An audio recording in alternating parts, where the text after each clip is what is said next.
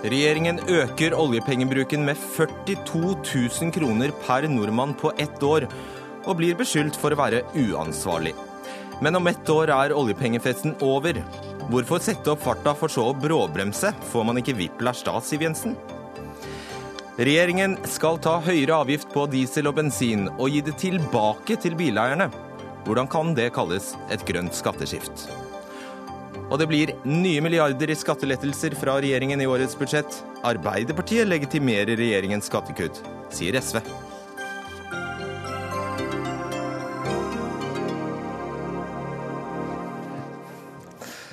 Hele den neste timen skal vi snakke om verdens største statsbudsjett i verdens heldigste og rikeste land i Dagsnytt 18. Fredrik Solvang ønsker velmøtt. Ved å sprøyte 225,6 milliarder oljekroner inn i statsbudsjettet foreslår regjeringen å øke oljepengebruken med om lag 10% fra inneværende budsjett. Regjeringen er godt innenfor handlingsregelen med en oljepengebruk på 3% men det betyr likevel ikke at eh, for andre året på rad tar Siv Jensen ut mer enn hun setter inn på oljefondet, eller Statens pensjonsfond som det heter på fint. Vi starter med deg, Gunnar Berge. Olje, tidligere oljedirektør, finansminister fra 86 til 89, kommunalminister fra 92 til 96 eh, fra Arbeiderpartiet. Det var jo den tiden da ideen om et oljefond dukket opp. Eh, ta oss tilbake dit. Hva var tanken med oljefondet som ble opprettet i 96?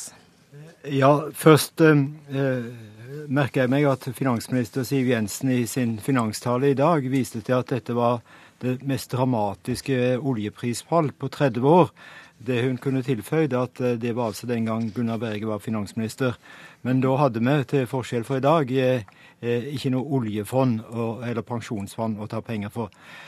Pensjonsfondet, utland som det heter i dag, oljefondet opprinnelig, det ble jo etablert ved stortingsvedtaket i 1990 uten at det kom penger inn i fondet. Det kom først i 96.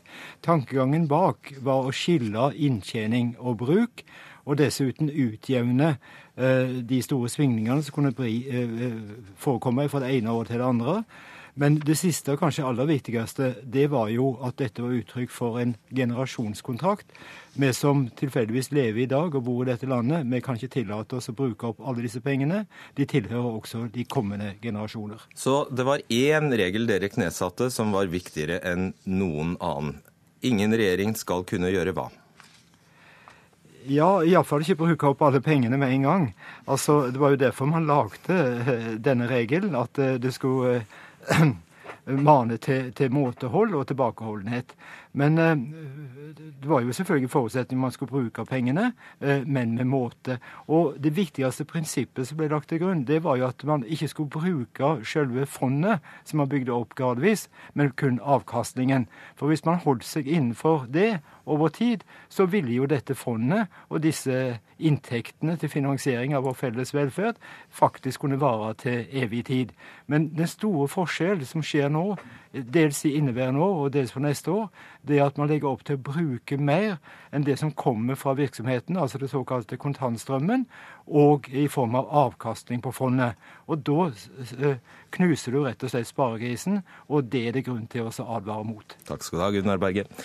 Siv Jensen, finansminister fra Fremskrittspartiet. Om du ikke knuser sparegrisen, så er det i hvert fall sant at du forsyner deg mer enn du setter inn. Altså tallet er 225 inn, 138 eh, milliarder ut. La meg si at mesteparten, Nei, av, det, omvendt, mesteparten av det Gunnar Berge sa, var en god historiebeskrivelse av eh, tilblivelsen av eh, oljefondet, som også ble etterfulgt av handlingsregelen som kom i 2001.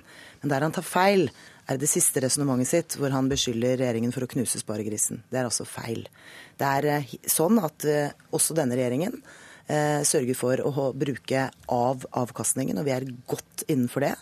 Men noen av premissene som har ligget helt siden fondets tilblivelse, var jo at vi visste at vi ville komme til et punkt hvor oljeinvesteringene ville avta.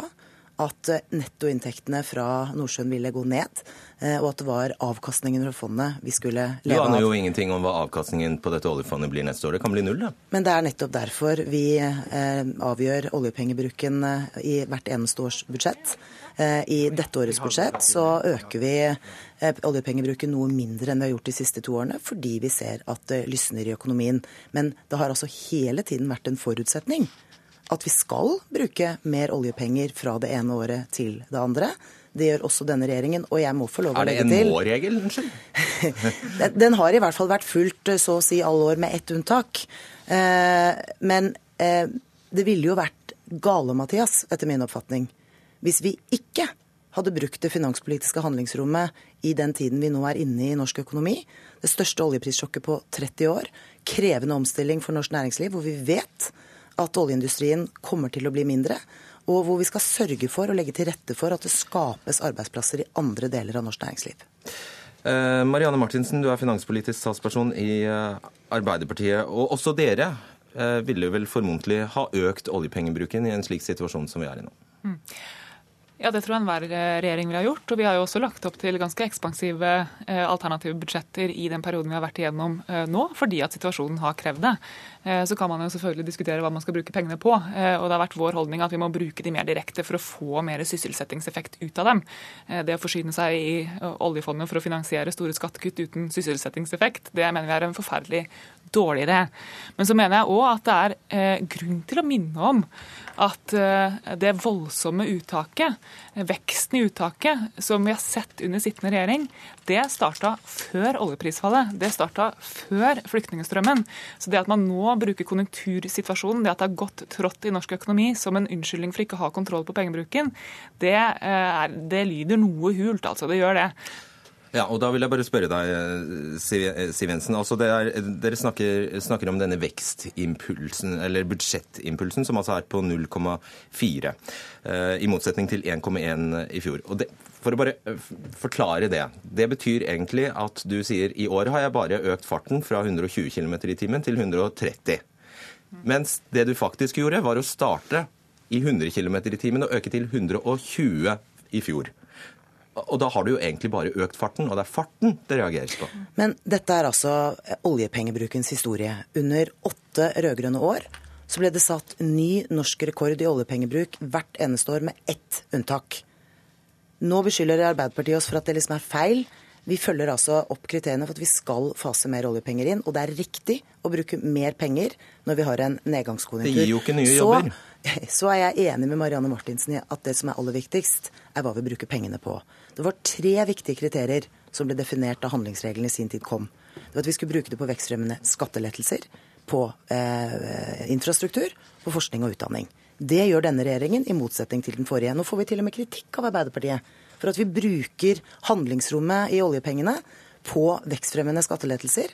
Det mente den daværende partilederen i Arbeiderpartiet, Jens Stoltenberg. Det har åpenbart Arbeiderpartiet glemt. Øystein Dørum, sjeføkonom i DNB Markets. Etter sju feite år kommer det nå 100 magre år for norsk økonomi, var det en av våre fremste økonomer som eh, sa til oss i, i dag. Eh, deler du den bekymringen? Jeg ville aldri uttalt meg skråsikkert om hva som skulle skje de neste 100, 100 årene. Men det, det, jeg tror det er fair å si, er at uh, vi har bak oss 15 veldig gode år, altså hvor oljeprisen ble tidoblet, og hvor, hvor, landets inntekter og folkets inntekter vokste mye sterkere enn en normal situasjon. Og vi nå er på vei inn i en mye svakere fase med lavere oljepris, med lavere vekst i økonomien og med sannsynligvis lavere avkastning av oljefondet. Og alle de forholdene tilsier, og dette har vært mitt poeng, altså tilsier at man etter hvert og dette kommuniserer jo også regjeringen, vil måtte fase inn oljepenger saktere enn det man har gjort de siste årene. Og Hvorfor øke farten da, for så å måtte bråbremse? Ja, jeg, altså, jeg liker ikke helt det uttrykket å, å si at man øker farten, for det ligger jo i oljefondskonstruksjonens natur at så lenge oljefondet øker, og man skal ta ut en viss andel av det oljefondet, så vil også oljepengebruken bli rekordstor hvert eneste år. Så spørsmålet er om man har, altså om farten man har på innfasingen, om den er høy langsiktig eller ikke, og om den er høy relativt til situasjonen i økonomien. Og det kan man diskutere. Og da forsvant jo egentlig poenget ditt, Martinsen. Altså, da vi satt i regjering og la fram krisebudsjett i 2009, så ble jo oljepengebruken tatt kraftig ned. Eh, etter at man var igjennom, etter at, eh, etter at man var igjennom den kraftige, kraftige krisa som kom på vår vakt. Og Det det er grunn til å minne Siv Jensen om, det er jo at vi snakker ikke om en forsiktig økning i oljepengebruken her fra år til år, som, som jo er hele hensikten med handlingsregelen. Man har økt tempoet kraftig hvert eneste år. Hun har altså brukt mer oljepenger siste tre år enn man gjorde på de foregående ti. Oljepengebruken er nesten dobla. Og nå skriver regjeringen i sine egne dokumenter at i en situasjon sant, hvor de har, de har, i snitt nesten økt oljepengebruken med 25 milliarder kroner hvert eneste år. Vi er nesten oppe i 100 milliarder kroner ekstra. Fra neste år så skriver du i ditt eget nasjonalbudsjett at da må man måtte belage seg på at man faser inn omtrent 4 milliarder kroner i året. Altså, hun, hun, forteller jo at, at en kommende regjering kan ikke fortsette sånn som disse her har holdt på. Enten, unnskyld uttrykket, enten har jo du eh, tisset i buksa, Siv Jensen. Eller så har du etterlatt deg en gigantisk finte til neste regjering. Fordi du skriver det er jo sant det, du skriver at hvis man skal holde, en, holde dette nivået, 7,9 Eh, så betyr det at man bare kan fase inn fire ekstra oljemilliarder neste år. Altså i motsetning til de 20 du faser inn nå. Så Finansdepartementet har eh, lagt frem eh, tekniske fremskrivninger for hvordan dette utviklingsforløpet kan komme til å bli i de neste årene. Men dette avhenger jo både av hvordan oljeprisen utvikler seg, hvordan fondsforvaltningen utvikler seg, og hvordan norsk økonomi utvikler seg.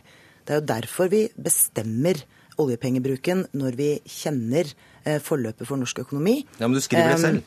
Jo, men hele poenget her er at vi også i årene fremover vil, som også Dørum sier, kunne fortsette å fase mer oljepenger inn i økonomien. Det store spørsmålet er hvor mye vekst fra det ene året til det andre.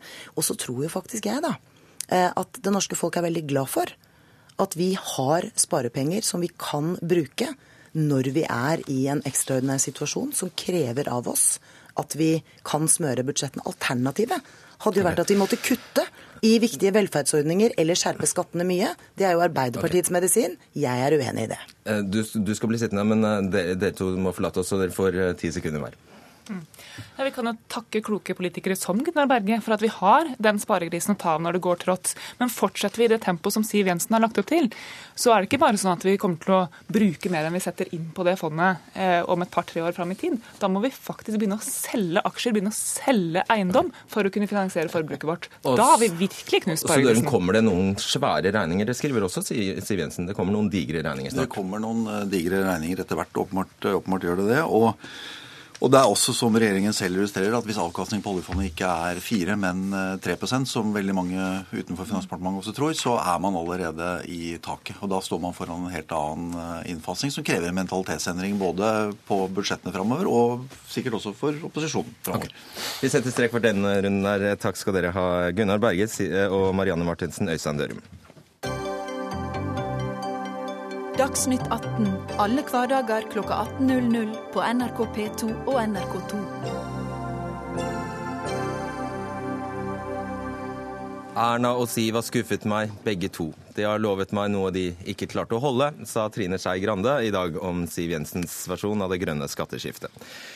I dag presenterte finansministeren en avgiftsøkning på 35 øre på diesel og 15 øre på bensin, akkurat som hun lovet, eh, som altså skal gå tilbake til bileierne i form av reduserte bompenger og bilavgifter. Og dette skal gi en eh, reduksjon i utslipp på 200 000 tonn CO2, ifølge regjeringens egne beregninger. Så vil jeg bare minne om at i fjor steg utslippene i Norge med 800 000 tonn. Terje Breivik, nestleder i Venstre og medlem av finanskomiteen. Ja, Slik lød budsjettavtalen mellom dere og regjeringen. Avgifts- og skatteomleggingen skal være av en størrelse som forsterker klimaforliket og gir betydelige reduksjoner i klimautslippene. Så dette kan dere ikke godta? Dette er jo eh, Du sa det jo veldig, veldig klart sjøl. Altså, på dette punktet har jo ikke regjeringen innfridd det som var en av de tunge bærebjelkene i budsjettavtalen 2016. At budsjett budsjettforslaget til regjeringen for 2017 skulle medføre et eh, grønt skatteskifte som fører til betydelige reduksjoner i klimautslippene.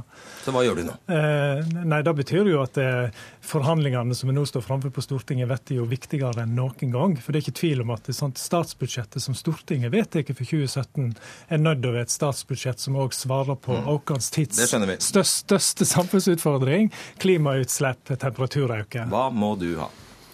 Jeg forskutterer jo aldri, for jeg går jo aldri inn i forhandlinger med absolutter. Det er et veldig dårlig forhandlingsutgangspunkt. De har gjort det, så hva må du ha? Nei, Hva Venstre må ha, er egentlig litt underordna. Det som er helt avgjørende, er at det statsbudsjettet som Stortinget skal vedta til slutt for 2017, òg er et statsbudsjett som svarer på vår tids virkelig store utfordring. Klimautslipp, temperaturøkning. temperaturøkning. Da, fortjener de som kommer etter oss, skal ta opp Du skjønner at hele landet nå venter på svar fra Venstre på hva dere må ha?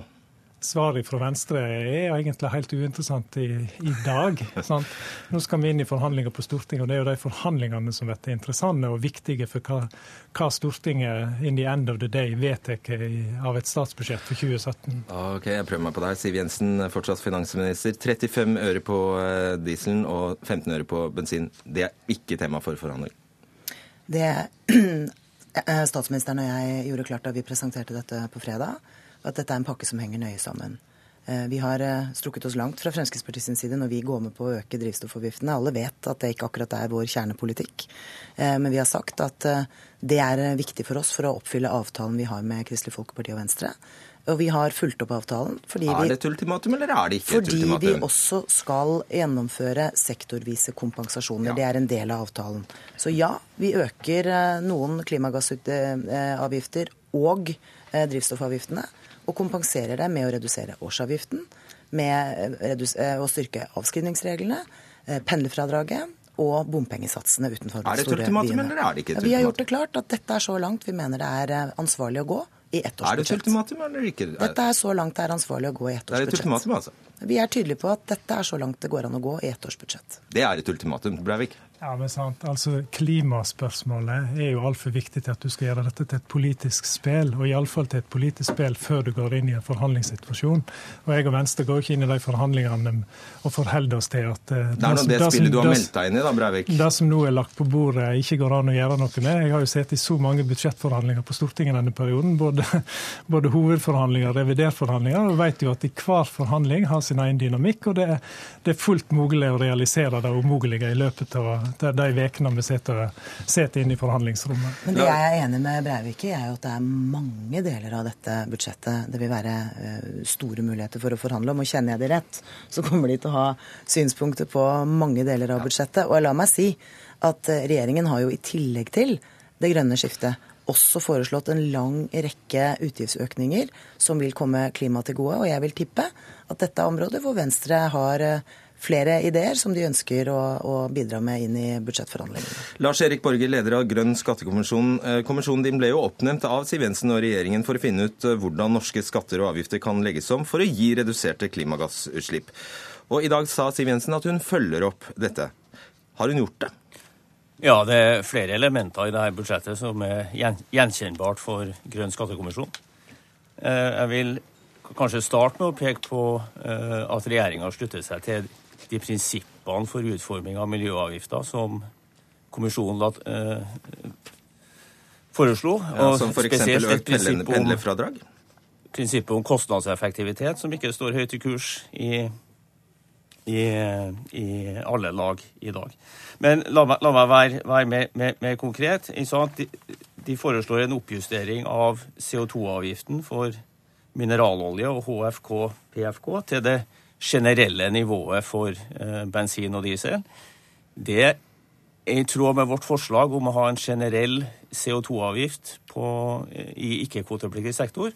Og de legger seg på det nivået som, som vi foreslo. Og så prøvde jeg å smette inn Økt pendlerfradrag er vel omtrent det motsatte av det dere foreslo? Ja, eh, vi, vi vi foreslo økt eh, avgift på bruk av bil, og der, der, er det også noen elementer på bensin- og dieselavgift. Eh, økning i pendlerfradraget eh, går i, i, i, motsatt retning. Det gjør det. Og du kan si at økningen i, i avgiftene på bruk av bil, som nå ligger på ca. en milliard, er lavt i forhold til de 12-17 milliarder som vi foreslo for å si det pent. Men, men, jeg, men, men jeg, tror det er viktig å si at når vi da snakker om de 12-17 milliarder, så snakker vi om en større omlegging av avgiftssystemet som skiller bedre mellom by og land, mellom rushtid og ikke rushtid, og hvor elbiler også ilegges veibruksavgift. Og det tar nok mer enn et år å få innført et sånt system. Ja. Hans Olav Syversen, leder i finanskomiteen for Kristelig Folkeparti. Hvem dilter du etter? Venstre eller Frp? Jeg pleier egentlig å lage min egen kurs, men, men jeg har jo sagt i dag at at eh, det er alltid en fordel når vi går inn i forhandlinger at man ikke kommer dit med absolutter, og det er vårt utgangspunkt. Nå er det noe, kanskje én part som har gjort det allerede? Da, det ja, det og det syns jeg eh, kanskje ikke er det klokeste man gjør når man skal inn og, og få et resultat. Og for oss er det jo sluttsummen av de tiltakene vi får til, som kommer til å telle. Og her ligger en utfordring i dette budsjettet, for det er ikke så veldig lett å finne ut av hva tiltakene vil eh, faktisk innebære av utslippsreduksjoner. Og jeg syns regjeringen også har gjort seg selv en bjørnetjeneste at man legger til grunn tall fra 2014 og fremskriver det til 2030, så det ser jo egentlig dårligere ut enn det burde gjort. Så her har vi en ryddejobb som vi får ta også i forhandlingene, men vi er innstilt på å få til dette grønne skatteskiftet. Og vi går til forhandlingene for å få til en løsning, men det vil kreve noe av alle. Godt poeng. Både Cicero og Transportøkonomisk institutt sier at deres beregninger for utslipp er altfor sjenerøse. Hva vil klimagassutslippene være i 2017 med det budsjettet du har lagt frem i dag? Vi skal eh, legge frem mer presise beregninger, for jeg skjønner at Stortinget etterspør det. Og det er riktig som Hans Olav Syversen sier, at de fremskrivningene som ligger i budsjettet, er basert på 2014-tall. Siden det har det blitt eh, vedtatt to budsjetter og lagt frem et tredje, med mange omfattende klimatiltak som selvsagt bidrar til større utslippsreduksjoner. Bare den enigheten de fire partiene har eh, kommet til når det gjelder omleggingen av engangsavgiften, er jo et utrolig viktig virkemiddel. sant? Men hvorfor fordi, sjekker du ikke dette her før du legger frem et budsjett? Fordi det er utfordrende å lage denne type beregninger før du har erfaringsmateriale å lene deg på. Det gjør at det blir mer komplisert. Eh, men vi vet jo Har du peiling på om utslippene øker eller synker? Vi har jo estimert at den omleggingen som de grønne avgiftene i seg selv eh, representerer, gir reduksjoner i størrelsesorden 0,2 eh, tonn neste år. 200 000. Ja. Men, men, så er det jo sånn at den omleggingen av engangsavgiften som vi forsterker i neste års budsjett, den virker jo. Vi ser jo nå at nybilsalget endrer karakter. Det betyr at det er flere biler på norske veier som er lavutslippsbiler. Og det kommer jo til å bety noe frem mot 2030. Jo flere biler som slipper ut mindre, jo mindre utslipp får vi fremover. Og det kombinert med de grepene vi tar knyttet til biodrivstoff, kommer selvsagt også til å virke. Så her er det mange ting som går i riktig retning. Men vi må ha med oss både innbyggerne og næringslivet på veien. og Derfor er det forskjell på å barbere seg og skjære av seg haken. Uh, ja, okay, ja, jeg jeg, jeg syns det er positivt hvis, hvis, vi nå kan eh, starte fra det punkt at vi får faktum på bordet.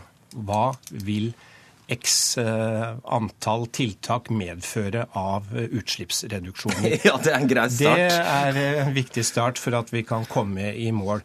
Og da setter vi oss ned med det mål for øye å oppfylle det løftet de fire partiene ga sammen, nemlig at når budsjettet er ferdig, så har vi også fått til noe som gir betydelige klimagassreduksjoner. Ok, eh, Kåre Gunnar Fløystad, du er fagsjef i eh, Zero. Sett at, og Du er her ikke for å synse eller mene eller ønske deg eh, noen form for klimapolitikk. Du er her kun som en politisk ja, skal vi kalle det, analytiker, observatør. Hva, hva, skal stå på denne, hva kan stå på denne menyen som Venstre, KrF eh, og regjeringen nå skal velge mellom? Det som er åpenbart For at det skal kunne bli en budsjettavtale, så trenger en, som finansministeren var innom, om å få med innbyggere og næringsliv. Og som eh, støttepartiene var innom, å få til reelle kutt. Så da må vi ha tiltak som rydder opp i den talljungelen, og som gjør at støttepartiene kan være trygge på at det blir kutt. Så Gi noen eksempler. Da kan en, eh, en modell som eh, Finansdepartementet skisserer i det budsjettet, er å inngå et samarbeid med næringslivet om å kutte utslipp i, eh, i transporten med en fondsløsning. Eh, da kan tallfeste hvor mye en skal kutte, og bruke avgiftssystemet for å få til et reelt dere skifte. Ja. Eh, og Det tror jeg både Venstre og finansministeren eh, kan bli enige med næringslivet om, for det er mange aktører som går foran. Vi kan også bli enige med det. Ok, flere. Så er det åpenbart at det må skje noe på bilavgifter, sånn at nullutslippsbilene er mer konkurransedyktige.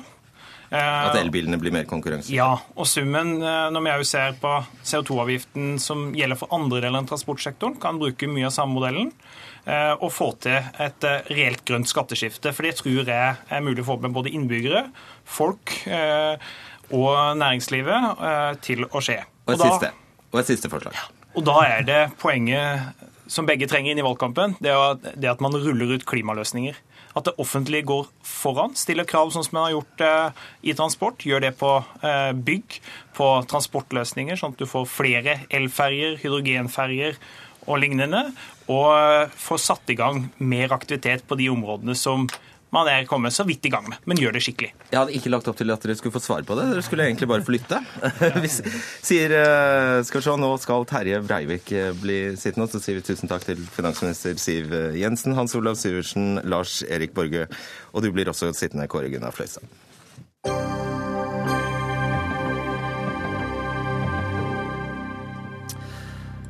For et av de tiltakene som allerede ligger inne i dette budsjettet for å kutte klimagassutslipp, er altså at det såkalte omsetningskravet for biodrivstoff skal økes fra 5,5 til 7% Det betyr at det skal blandes inn 7% biodrivstoff i den fossile dieselen og bensin, eller egentlig dieselen. da. Venstre er jo som kjent skuffet over regjeringens forsiktige økning av bensin- og dieselavgiften, men dette klimatiltaket er de enige om. Vi starter med deg, Vidar Helgesen, klima- og miljøminister fra Høyre. Hvorfor er dette et godt miljøtiltak? Det er et godt miljøtiltak både fordi vi trapper opp kravet til biodrivstoff neste år, men også fordi vi legger en plan frem til 2020 i denne omgang. Og det gir en forutsigbarhet som ikke akkurat har preget norsk biodrivstoffpolitikk, for å si det forsiktig. Fordi biodrivstoff er mer miljøvennlig enn fossilt drivstoff? Det er det hvis det er produsert av ting som ikke øker utslippene andre steder. Hvis det er produsert av palmeolje som gjør at det er avskoging i Indonesia, så kan faktisk biodrivstoff være verre enn diesel eller bensin. Ja da, Kan du kontrollere Men det? Ja, og det er det vi her gjør. Vi stiller krav om at denne økningen skal skje med avansert biodrivstoff. I dag er det meste av omsatt biodrivstoff i Norge såkalt konvensjonelt biodrivstoff. Det betyr at det er produsert av matvekster. Og det gir en veldig usikker global klimaeffekt. Og Det er derfor vi nå gjør det klart. Det er avansert biodrivstoff som gjelder. Mm. Så det har en annen viktig side ved seg, og det er at det er et signal også til norske aktører om å stimulere til norsk produksjon av biodrivstoff. For det som er mest aktuelt for norsk produksjon, det er nettopp avansert biodrivstoff. Ja, I dag importeres det, ikke sant? I dag importeres det. Terje Breivik, fortsatt nestleder i Venstre. Hvis dere ikke får med dere regjeringen på økte drivstoffavgifter, så er omtrent dette det eneste dere sitter igjen med, altså mer biodrivstoff. Og hvorfor er det så viktig for dere? Nei, Dette syns jeg klimaministeren svarte veldig godt på. Sant? Dette er jo en vinn-vinn-løsning. Biodrivstoff er jo et, et, tiltak som virker akutt for at du skal gi et alternativ til fossildrivstoff. Det er tross alt det som er, er hovedproblemet med tanke på klimautslipp. Det er et utrolig godt tiltak for norske distrikter, altså norske skogeiere og norske bønder. Du lager en marknad for norsk skog, ikke minst nå når vi er samlet om at vi skal stille krav, krav som nettopp for, forfordeler norsk skog for å være sikker på at det er bærekraftig. altså at Som favoriserer norsk skog, mener du? Ja, Som iallfall gjør norsk skog en, en betydelig bedre marknad for, for avsetning. Uh, og det vil ikke minst legge grunnlaget for det som kan være et lite norsk industrieventyr. Nå ser vi jo at det igjen er investeringsvilje i, i produksjon av biodrivstoff. Okay, men det skal skje fra, allerede fra 1.1, faktisk. Borgar Aamås, seniorforsker ved CICERO senter for klimaforskning. Vi vet at i dag er det begrenset med avansert andregenerasjons biodrivstoff på markedet, som Helgesen sier her. Så hva slags biodrivstoff er det på norske tanker nå? Og hvilket biodrivstoff kommer på norske tanker fra 1.1.? Ja, så Det finnes jo bra biodrivstoff og dårlig, men i dag så er det stort sett rapsolje. Ja, og det er mat. mat ja. ja. Hvilken klimaeffekt har det? Det er på den litt uheldige sida, da.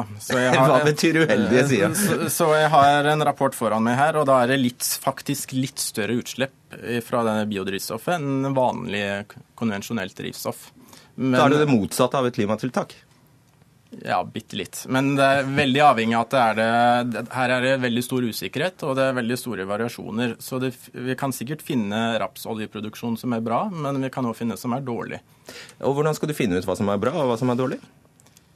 Eh, ja, det er jo det med my myrområdet som blir brukt så fra Indonesia, og unngå regnskog som blir eh, forsvinner. Ok, La oss Ja. høre med de som, er, eh, som, som eh, faktisk driver med dette til, til daglig. Det er deg, Tore Revå. Du er informasjonsdirektør i Esso. Dere importerer jo og selger videre dette drivstoffet. Nå skal altså fra nyttår 7% av det dere selger, være biodrivstoff. Har dere mulighet for, slik markedet er i dag, å levere denne type andregenerasjons biodrivstoff som Helgesen snakker om, altså ikke raps som Åmås snakker om? Ja, la meg først bare understreke at eh, vi er enige om at vi må redusere CO2-utslipp, og at avansert biofuel det kan være en del av løsningen her. Men utfordringen det er å skaffe nok av det avanserte biodrivstoffet. Det kan isolert sett hende at vi kan få nok til Norge, men det hjelper lite globalt. fordi at det som er situasjonen er at etterspørselen etter avansert biodrivstoff den er allerede større enn produksjon. Og hva skjer da hvis vi snapper alt eh, andregenerasjons biodrivstoff i verden? Nei, altså Da bruker vi en del norske penger på å flytte avansert biofuel til Norge. eh, og Det betyr at vi ser antagelig litt bedre ut på papiret, men andre må jo da dekke sitt behov for å møte sine mandater med mer førstegenerasjon, så lenge ikke det er mer produksjonskapasitet tilgjengelig i, eh, i dagens marked. Så globalt eh, klarer ikke jeg å se at det reduserer CO2-utslipp. Og hvor lenge tror du vi vil ha det sånn? Nei, altså Det er vanskelig å forutsi. Det har jo vært en viss utvikling. Men jeg eh, kjenner ikke det aller aller siste tallet om det har vært noen ny oppdatering. Men EU har jo et anslag for 2020 at de skal eh, kunne levere 0,18 av sitt eh, dieselbehov som avansert HVO. 0,18% 0,18 i- i EU-produksjon, og så ser de for seg noe import. og Da kommer de opp i en halv prosent totalt sett av dieselmarkedet i EU. Ja, og dette skal skje fra første i første her hjemme i Norge. Kåre Gunnar Fløystad, fagsjef i Zero fortsatt, og det applauderer dere. For alt jeg vet, så var det deres idé, faktisk, dette her. At dere satte Venstre på ideen, hva vet jeg. Eh, hva sier du til dette her? Det blir faktisk, du, altså, Hvis det i det hele tatt er en positiv klimaeffekt, så eh, er den marginal. Det som er, er klart at det, det er jo ikke kjempehøyt krav, det er 7% Det er jo ikke eh, det store inn i, i eh, markedet. Men hvis det er usikkerhet om et klimatiltak er, klima, eh, er et klimatiltak, så bør det, du kanskje ikke innføre det? Det er da det er viktig at vi har bærekraftig biodrivstoff. Og at det stilles krav til klimanytten. Da har en allerede fått etablering av biodrivstoffproduksjon i Fredrikstad, som leverer biodrivstoff med god klimanytte. Fra første i første Ja, de, de har vært i gang nå snart et år. Kla ok, La oss sjekke. Eh, Sånn at eh, da er vi, vi er allerede i gang. Og så er det jo spennende å se at eh, det er mange aktører som investerer i produksjon. De gjør det i Finland, de gjør det i Sverige, de gjør det òg i Norge. Fordi at hva som er på markedet, er jo et funksjon av pris og etterspørsel. Og Hvis prisen er høyere, ja da har ikke Esso og andre lyst til å kjøpe. Men hvis prisen går opp, så etablerer nye aktører produksjon, og vi får mer bærekraftig biodrivstoff Jeg har bare lyst til å høre veldig kjapt, Revo. Eh, Er dette den realiteten dere står i? Det som beskrives her? Eh, Vi ser jo selvfølgelig at det bygges eh, noe kapasitet, og vi ser at det er mulig å skaffe noe volum. Men mitt poeng er at på en global basis så er det altså større etterspørsel enn det er produksjon allerede. Så isolert sett å øke et mandat i Norge vil ikke medføre noe mer eh, avansert biofuelproduksjon nå. Hva sier du til det, Vidar Helgesen? Ja, tusen Mm, takk. Vær så god. Jo, du skjønner, vi, vi driver ikke og finner på politikk i Dagsnytt 18-studio. Vi har ting ute til høring, vi. Og der har vi eh, fått beskjed om, riktignok fra Esso, at de syns dette er vanskelig, men de driver jo da raffinerier for fossil olje, så det er kanskje ikke så rart. Preem derimot, som er svensk produsent av biodrivstoff, sier at de alene kan klare å møte behovet neste år. De produserer allerede 160 millioner liter. Neste år trenger vi 30 millioner liter. Og de er svenske, så de skal kunne klare dette. Og så har vi Borregaard med 7 millioner liter, og så har vi UPM og finske Neste i tillegg. Eh, Pluss at vi nå stimulerer til videreutvikling og styrking av norsk produksjon gjennom at vi her gir et langsiktig signal. Så jeg tror at vi skal klare det. Det er derfor vi foreslår en mindre økning enn det jeg hører Zero egentlig ønsker seg. Men vi ønsker en realistisk og forutsigbar politikk. Det trenger vi både for klima og for norsk næringsutvikling. Borgar Aamodt, når du sier at eh, biodrivstoff kan være verre enn fossilt eh, drivstoff klimamessig, hvor mye verre da, på sitt verste? Eh, for rapsolje her så er det ja, ca. 15% større utslipp. Fra raps enn fra helt ordinær diesel? Ja. Er det, ok, eh, Hva er grunnen til at det blir så mye dårligere? Så det er de indirekte arealbruksendringene. Eh, sånn at vi, vi, presser ut. Så hvis vi skal produsere mer raps, så presser vi ut kanskje matproduksjon til at vi må hogge ned regnskog, og så får vi utslippet fra den regnskogen. Så det er masse sånne indirekte effekter. Og det gjør det naturligvis veldig vanskelig, da. OK, Breivik. Nei, dette illustrerer jo godt eh, behovet for et grønt skatteskifte. Sant? Det er ikke tvil om at litt, litt av forklaringen på at det er for lite tilgang på såkalt bærekraftig bærekraftig biodrivstoff i dag, og ikke minst bærekraftige innsatsfaktorer, t.d. norsk skog, er jo at det ikke har vært butikk i det. Sant? Og Når vi nå gjør en kombinasjon hvor vi fjerner veibruksavgifter på, på, norsk biodiesel igjen, gjør den mer konkurransedyktig nærmere pumpeprisen på fossilt drivstoff, kombinert med det andre som er nødvendig, og selvsagt øker prisen på fossilt drivstoff å og gjøre den enda mer konkurransedyktig, ja. sammen med å stille strenge bærekraftskriterier som gjør at du er nødt å kunne dokumentere at dette er, dette er altså vi i Venstre sier jo veldig klart at det skal være skog, skogavfall eller, eller avfall som skal gå inn i produksjonen av, av denne 7% biodieselauken. Helt realistisk. Øke fra 5 til 7 Det er 130 millioner liter diesel. Ca. 130 ja, og ca. 1 okay. million kubikk skog. Sant? Og alle som har reist litt rundt omkring i kongeriket, ser jo at vi gror inne. Det, det er plenty med skog, skog, skog, i Norge. Fløystad, veldig kjapt.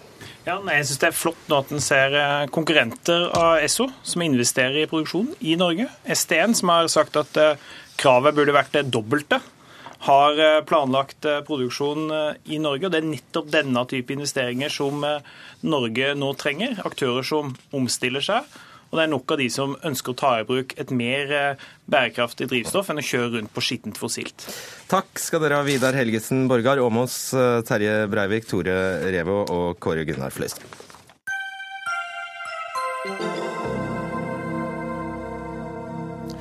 Godt over 20 milliarder. Det er de samlede skattelettelsene gjennom fire år med, med gjennom tre år med Høyre-Frp-regjering, etter at regjeringen kuttet skattene med nesten 3 milliarder i årets budsjett. Arveavgiften er fjernet, og både formuesskatten, selskapsskatten og personbeskatningen er senket. Svein Flåtten, finanspolitisk talsperson i Høyre.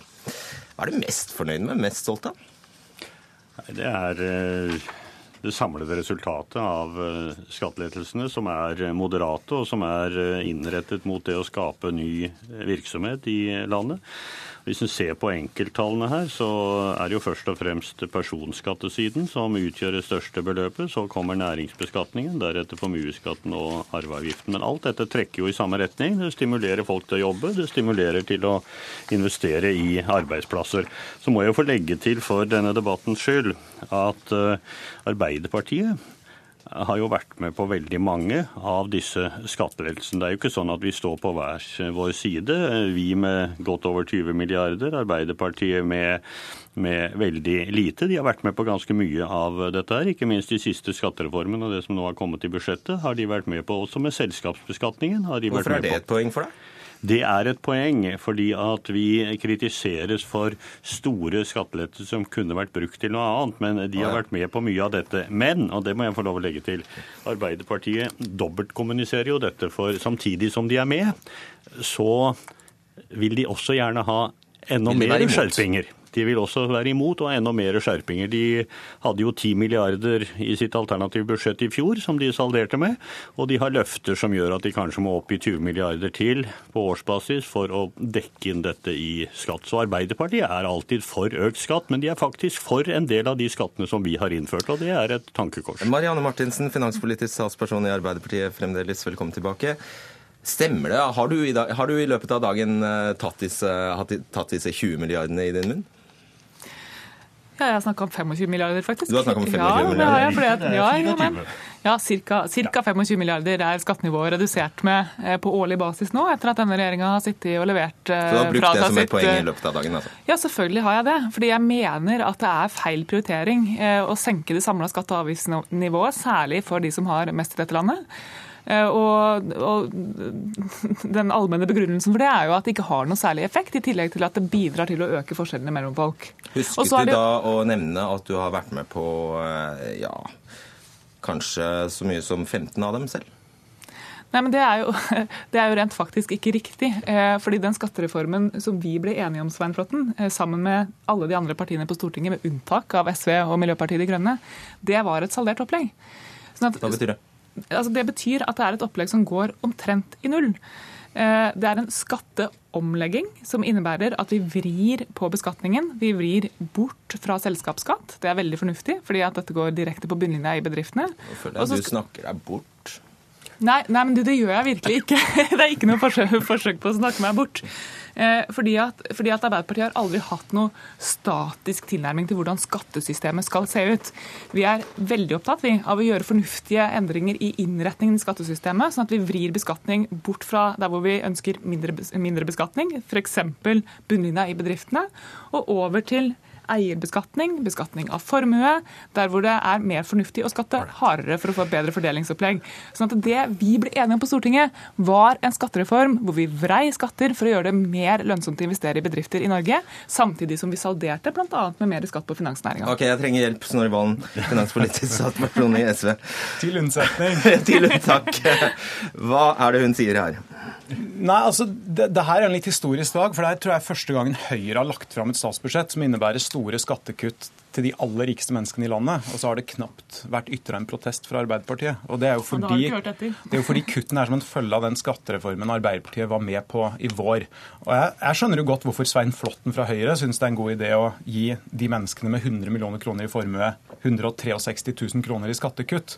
Det jeg undres over, er at Arbeiderpartiet gikk med på det. Og Derfor har Arbeiderpartiet holdt en lav profil i skattedebatten i dag. Det er fryktelig synd, fordi forskjellene i Norge øker. Det vi trenger er en mer omfordelende politikk, ikke en politikk der du gir rabatt på formuesskatten til de største aksjonærene i landet. Eh, dessuten så fører det til mindre penger til fellesskapet. Jeg er jo helt enig i kritikken Marianne Martinsen kom med tidligere i sendinga, da hun sa at det er dumt å bruke oljepenger for å senke skattenivået. Det, jo, det, det legger jo skattereformen som Arbeiderpartiet var med på, opp til, og det er en veldig god illustrasjon på hvorfor vi ikke var med på den reformen. Ok, Det er kanskje nå du skal si, si altså Jeg bare lurer på hva den, den salderingen eh, består i. Altså Hvis man ser på det, det alternative budsjettet fra i fjor, mm. så er dere altså enige i lavere inntektsskatt, lavere næringsskatt, altså selskapsskatt, eh, mm. og dere fjerner arveavgiften. Og det er da egentlig bare formuesskatten dere står igjen og er uenige om. Så da har jo både Flåtten og Valen rett i at dere er med på det meste. Så Vi er med på en skattereform som gjør at vi vrir beskatning bort fra selskapet og over på de som tar utbytte fra selskapene. Og så er vi uenig i at man prioriterer store generelle formuesskattekutt. Sånn når vi, når vi, nå har tatt til orde for, og til og med fått gjennomslag for, at vi legger om formuesskatten sånn at du får likere verdifastsettelse på det å investere i en bedrift og det å investere i eiendom, veldig, veldig fornuftig, så har vi samtidig den holdningen at formuesskatten som sådan, satsen på formuesskatten, den bør opp.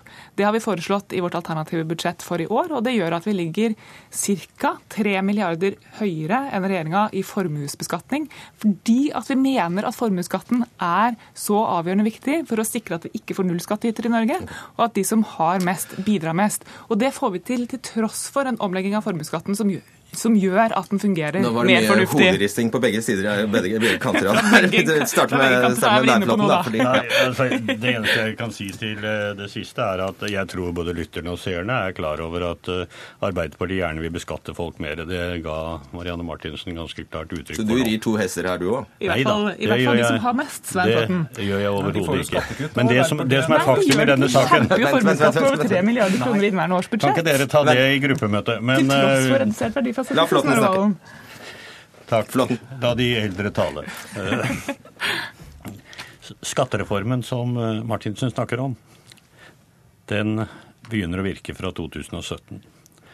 Men tidligere enn det så har Arbeiderpartiet vært med på store lettelser i næringsbeskatningen. Veldig bra. Redusere selskapsskatten. De er for de personskattelettelsene som vi har innført. De har til og med sagt at de var for den arveavgiften som vi nullet ut. Selv om de kom løpende etterpå sa vi skal nok innføre et eller annet igjen. Vet ikke riktig hva det er for noe, men bare vent så skal dere se. Det blir en litt annen form osv. Men disse pengene skal vi få inn. Så det er riktig når jeg sier at av disse 3-24 milliardene så har de vært med på veldig mye. Men nå lover jo da Marianne Martinsen velgerne dyrt og hellig at det skal komme mer skatter.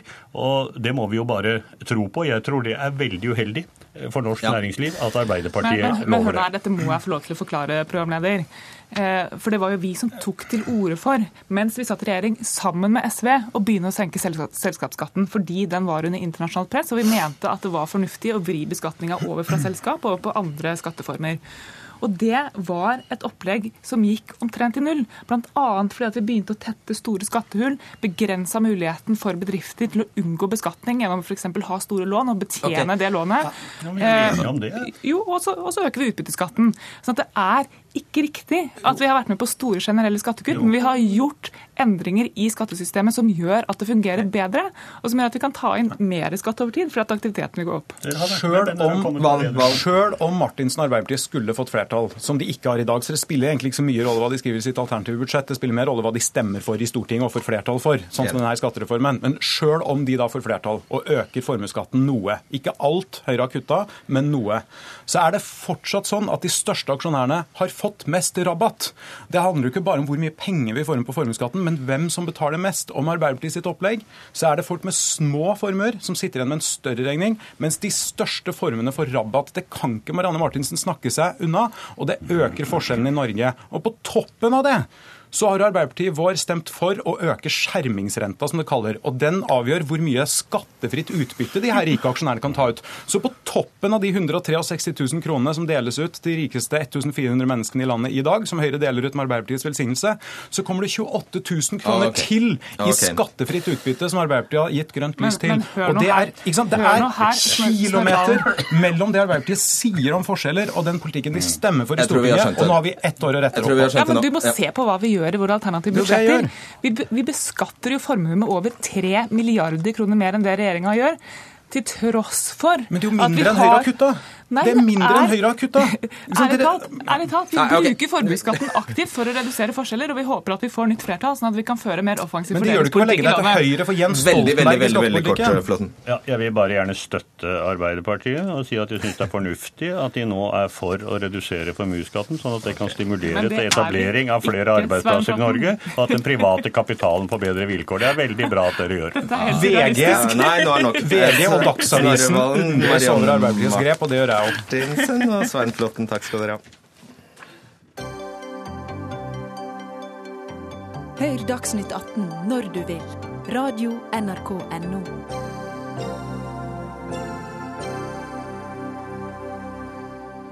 Det der var jo interessant.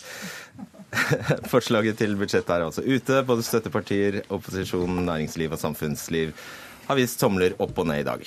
Men eh, ja, Hvordan skal vi egentlig forstå dette blå-blå eh, siste blå-blå budsjettet før eh, statsbudsjettet, nei, før stortingsvalget neste år? Politisk kommentator i NRK Magnus Takvam og politisk kommentator i Aftenposten, Trine, redaktør i Aftenposten Trine Eilertsen er her for å forklare oss det.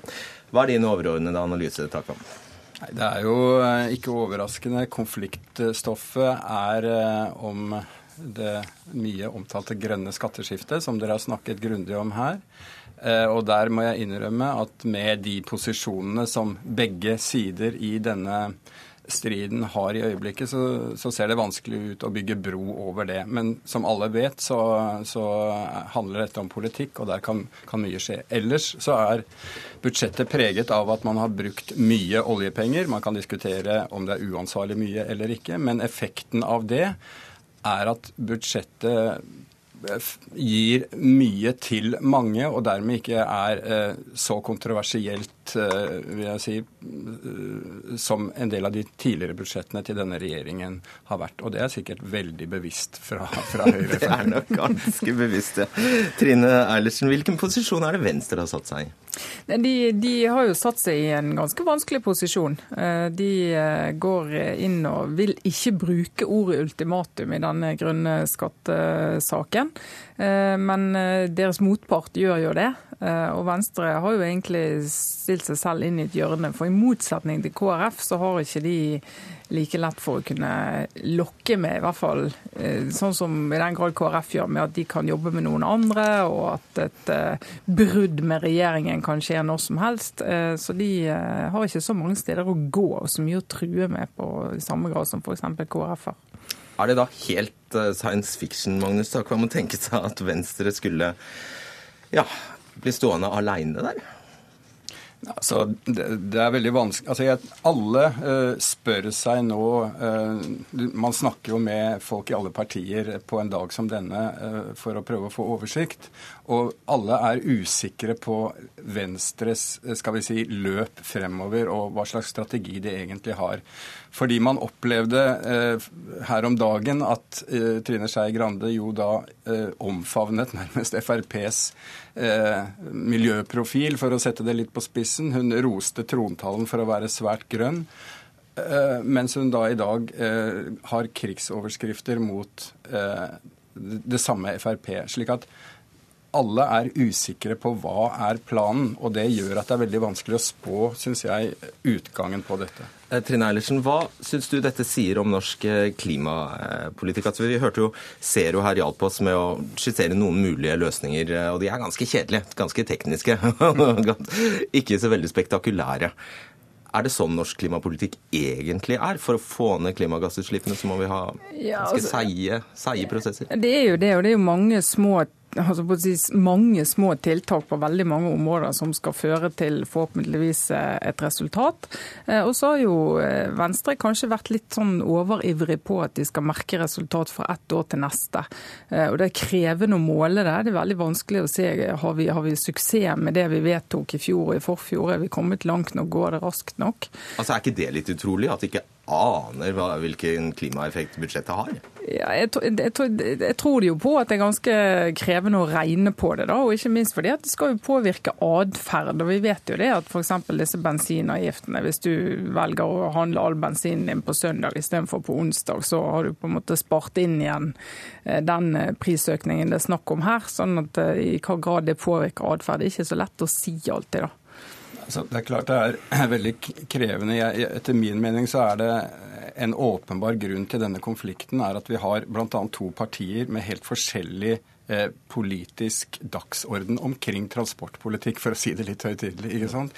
Altså Det Frp-erne her eh, flagger for, er at de har greid å redusere bilistenes, eh, avgiftene til bilistene på ulike områder mer enn disse bensinavgiftsøkningene. Slik at vi har et parti som definerer seg som bilistenes parti, og så har vi Miljøpartiet på den andre siden. Skal man få til noe eh, på alvor med et miljøskifte, så må man på en måte gjøre det mer gjennomgripende på, på veldig mange områder i i et budsjett og i en økonomi. Det er klart at Så sterk reallønnsvekst som har vært i Norge, så er én krone, altså en krone økning i bensinprisen biter jo mye mindre i dag enn det gjorde for 10-15 år siden, da folk hadde dårligere råd. sånn at dette, å finne virkemidler her er ganske krevende. Jeg fikk et sånn eh, mumlende skjeggesvar, følte jeg, fra Syversen. Jeg spurte hvor KrF til å, hvem KrF kommer til å henge seg på.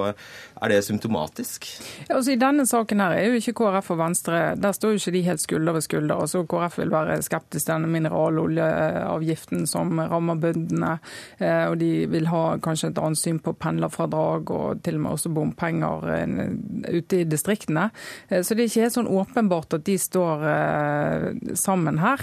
Men det som er, det som er interessant å se, det er jo denne her troen på om vi som velgere tåler å svi for at Norge skal bli mer klimavennlig. Sant? Og Det er jo den store aksen her. Og Der er jo Frp helt tydelig på, at, og Høyre også, at velgerne tåler ikke mer enn dette. Mens Venstre da, og flere tror at eh, jo, det tåler de, og skal vi komme noen vei, så må vi, må vi faktisk kjenne litt eh, mer på pungen enn det vi gjør nå. Og til slutt, eh, Takam, det, eh, kan man havne i en sånn posisjon at Arbeiderpartiet tvinges til å stemme for et borgerlig budsjett med, mens de holder for nesa og venter på valget? Altså, Arbeiderpartiet har jo en, i 2004 var det vel støttet et uh, borgerlig budsjett i en bestemt uh, situasjon. Så teoretisk sett så, så, så, så, er ingenting umulig. Men jeg skulle like å se Høyre-Frp-statsråder som må uh, få reddet budsjettet sitt av Arbeiderpartiet et knapt år før, før valget. Så, det tror jeg de vil gjøre alt de kan for å unngå. Det tror vi vel alle. Takk skal dere ha, Magnus Takvam og Trine Erlersen.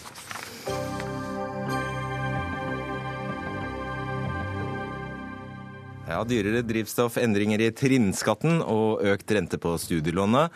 Lista er lang over kutt, lettelser og innstramminger som vil få konsekvenser for deg, meg og hvermannsen. Men eh, hva får statsbudsjettet å si for vår personlige økonomi? Og For å kunne gi oss noe svar på det, har vi fått besøk av deg, Kristina Pikar, eh, forbrukerøkonom i Storebrand. Eh, nå etter at mediene og fagfolkene har endevendt eh, statsbudsjettet, hvem kan vi si er vinnere og tapere? Jeg regnet med at du skulle spørre om det. Jeg syns som Takvam at det er ikke så kontroversielt budsjett kanskje i år. Men hvis jeg skal prøve meg på noe litt tabloid, så kan det vel være de høytlønte, eller med, også med en del formue, som kanskje er vinnerne og de som eh, er storforbrukere av røyk og godteri, som er, som er taperne. Men, eh, men, det er små, små utslag, i hvert fall på skatt i år, altså for folk flest lommebok. Det tror jeg vi kan slå fast. Og Da har vi det som kalles trinnskatten, som egentlig har erstattet den eh, tidligere toppskatten. Den endres altså med Det blir moderate skattelettelser for nesten alle sammen. Ja, det gjør det. Og det er jo særlig da altså skatten på alminnelig inntekt som går ned fra 25 til 24% som, som gjør at alle får et eller annet mer eller mindre skattelette. Men da snakker vi hundrelapper? Det gjør det, altså. Gjennomsnittsnordmannen kanskje en tusenlapp i året. Så det helt eh, store utslaget for folks lommebok gjør nok ikke skatt på inntekt i år. Så øker eh, regjeringen, eh, og det kan de altså, det er regjeringen som setter renta på utdanningslån her i landet ja. med 0,35 prosentpoeng. Det kan få litt å si. Ja, da blir det dyrere å ha lån, rett og slett. Studielånsrenta går nå opp. Og det er jo uheldig for alle som har studielån. Heldigvis, altså Jeg har alt sympati med studentene som har hatt det trangt lenge. Men men, heldigvis så betaler man jo ikke ned på studielånet før man begynner å jobbe, da, i det minste. Og studentene får jo nå denne elleve måneders eh, studiestøtten sin sakte faset ut. En uke ekstra, var det dem? Ja, eh, det, det, går jo over litt tid. Eh, men så så jeg også at frikortgrensen har økt, så du kan tjene litt mer da skattefritt enn tidligere 5000 kroner mer. Men det er riktig at studielånsrenta blir, blir litt dyrere. Det er noen hundrelapper i året det også, da, for et langt studieløp. Ja. Og så eh, var det på forhånd eh, Eller regjeringen hadde for så vidt lovet at den skulle komme med en skatteredusert pensjonssparing, men det skjedde ikke? Nei, det skjedde ikke. Det var overraskende og skuffende, for det tror jeg kunne hatt mye å si for folk flest. Vi vet jo nå at eh, vi kommer til å få mindre pensjon fra folketrygden fremover. Det blir viktigere med privat pensjonssparing for å kunne opprettholde levestandarden. Og vi hadde håpet at det skulle komme et, et skikkelig bra produkt eller tilbud da for, eh, for de som ønsker å spare til pensjon. Bare minne om hvor du jobber hen. jo, men, jo, men det er jo det er sant. Men det er jo så viktig. Vi ser jo hvordan dette har hatt effekt f.eks. Med BSU. Eh, fordi at du må sukre pillen litt hvis folk skal ha råd til og mulighet til eh, å spare til pensjon på egen hånd. Ja, for i dag, hvor er det vi sparer i pensjonen hovedsakelig? Nei, vi har jo mye formue i bolig, da. Jeg regner med det er dit, dit du vil. Mm. Og det, det, er riktig. Vi har jo ca. 60 av, av formuen vår i, i, boliger eller fritidseiendom. Og, og veldig lite i annen f.eks. fond og aksjer. Og da vil regjeringen gjøre det mindre attraktivt eh, å eie mer enn én bolig for å bøte på dagens eh, situasjon. På hvilken måte gjør de det? Ja, det er sant. For Før nå så har de jo rørt på ligningsverdien, eh, men nå ser de altså på, på verdien av gjeld på sekundærbolig. Så den gjelden blir redusert nå med 20% Dvs. Si at du tidligere vil komme i, i formuesskattposisjon. Så for noen så vil dette ha en effekt. Flere vil måtte betale formuesskatt på da, fordi de har en sekundærbolig. Men Ja, for ja, det er et men. Ja, det er et men. Fordi eh, jeg tror Eller det er veldig mange som eier sekundærbolig som ikke er der. Som ikke er i formuesskattposisjon fordi de har en dyr primærbolig, altså den boligen vi bor i. Og disse har jo nå i mange år fått redusert skatt på sine leieinntekter. For den går jo også ned som en følge av disse skatteendringene fra 28% som den var for noen år siden, og nå er den ned på 24 Sånn at Det er jo som musikk i ørene for de som leier ut bolig som ikke er i formuesskattposisjon. De får jo, eller alle som leier ut bolig, får jo glede av at det nå er litt mindre skatt på leieinntektene. Så det er litt... uvisst om dette vil dempe presset ja, i boligmarkedet? Ja, jeg er faktisk litt usikker på, på, hvilken effekt dette vil ha, altså, sånn på totalen. Ja. Og så bare til slutt, elavgiften stiger veldig marginalt. Ja, det er veldig lite, altså. Ja, fra ja. 16 øre til 16,32 øre. Ja, det er veldig lite. Jeg, jeg synes Vi er jo veldig nede i detaljene nå, men jeg tenkte på dette som, som jeg syns er veldig fint, er jo dette med, med, at tiltakene for å holde folk i arbeid, eh, og ikke minst eh, forebygge uførhet, for å gå på ledighetstrygd eller uføretrygd, det har mye å si for folks private økonomi. Så selv om vi ikke ser effekten av det kanskje akkurat nå, så langsiktig effekten av det er jo også viktig for folks private økonomi. da. Viktig å huske på det. Det er viktig å huske på. Tusen takk skal du ha, Kristine Picard. Du fikk avslutte Dagsnytt 18 i dag. Fredrik Lauritzen, Frode Thorshaug og Fredrik Solvang takker for seg.